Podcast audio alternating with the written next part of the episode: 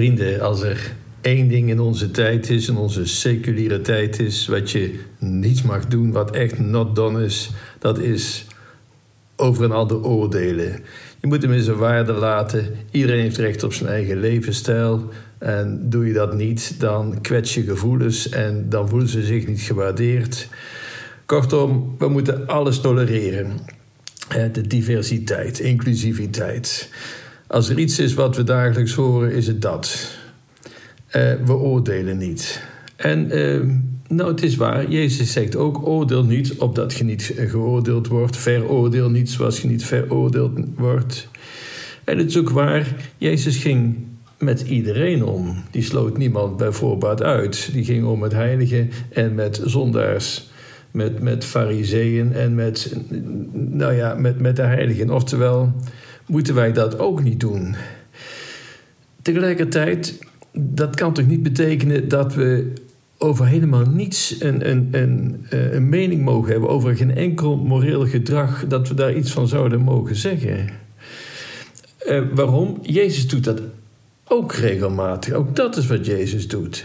we, we, we, weten hoe hij uitvaart tegen schriftlieden en fariseeën. Hij scheldt ze zelfs uit voor witgekalkte graven. Oftewel, een graf is allemaal bederfd, maar jullie smeren het aan met witte kalk en dan lijkt het nog wat.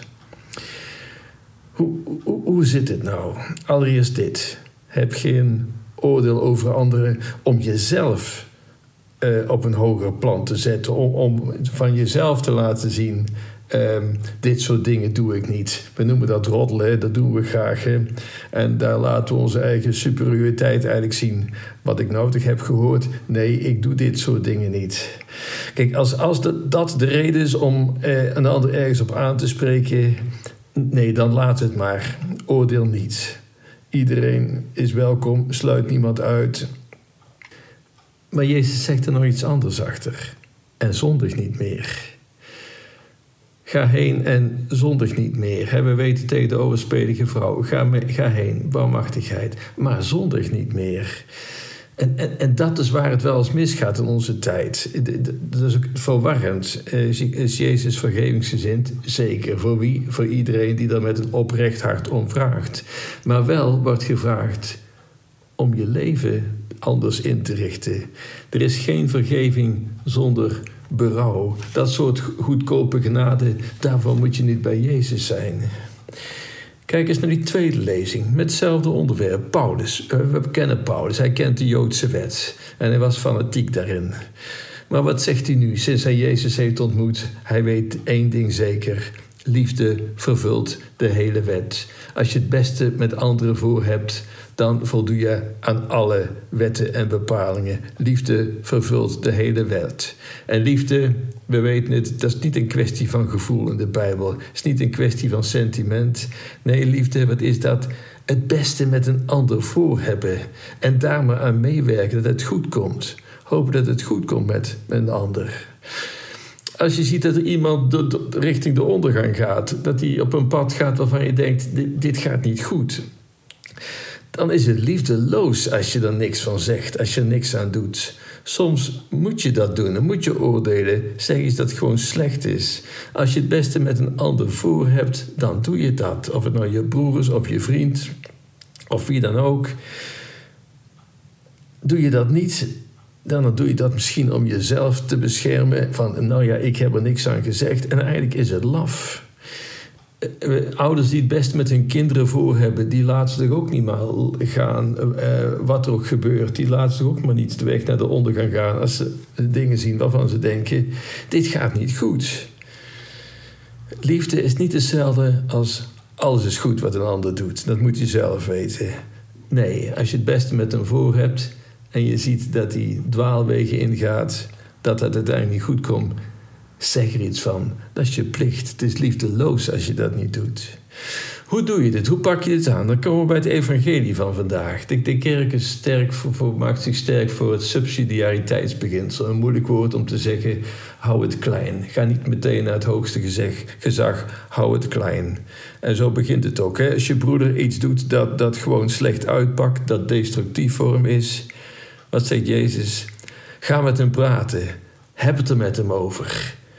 Wij doen vaak het tegenovergestelde. Hè? Wij, gaan meteen naar Twitter en laten heel de wereld weten dat het niet deugt. Nee, dat is, dat is niet de bedoeling. Ga met hem praten, heb het met hem over als je het beste met hem voor hebt. En als hij luistert, prima, prima. Je hebt een goede daad gedaan en die ander die zit weer op het juiste spoor wellicht. Als hij niet luistert, ja wat dan? Dan maar naar Twitter? Nee, nee, nog steeds niet natuurlijk.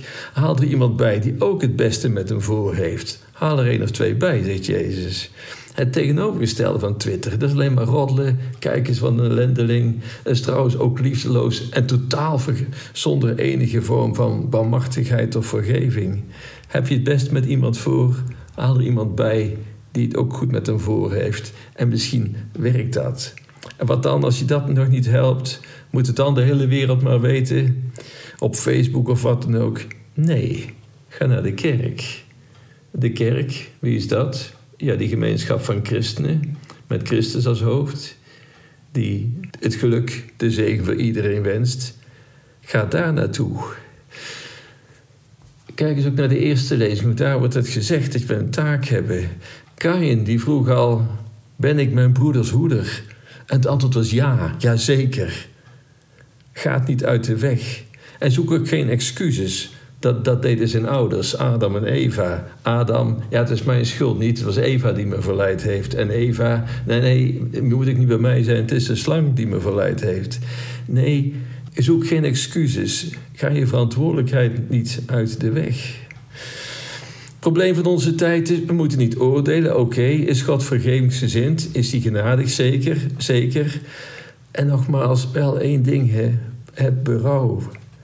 Voor genade zonder berouw moet je niet bij Jezus zijn. Nogmaals, dit soort goedkope genade, daar kom je in de Bijbel niet tegen. He, tegen de overspelige vrouw, ga heen, komma, en zondig niet meer. En van ons wordt eigenlijk gevraagd om te zeggen, ga heen, punt. Oftewel, die levensstijl, ga daar gewoon mee door. Nee, nee. Twee dingen. Eén, wees uitnodigend. Wie is welkom met iedereen? Todas, todas, todas. De paus bleef het uh, eindeloos roepen op de wereldjongere dagen. Hij liet helaas wel achterwege, maar er wordt wel een appel op je gedaan om Christus voorbeeld te volgen. En dat maakt het meer duidelijk.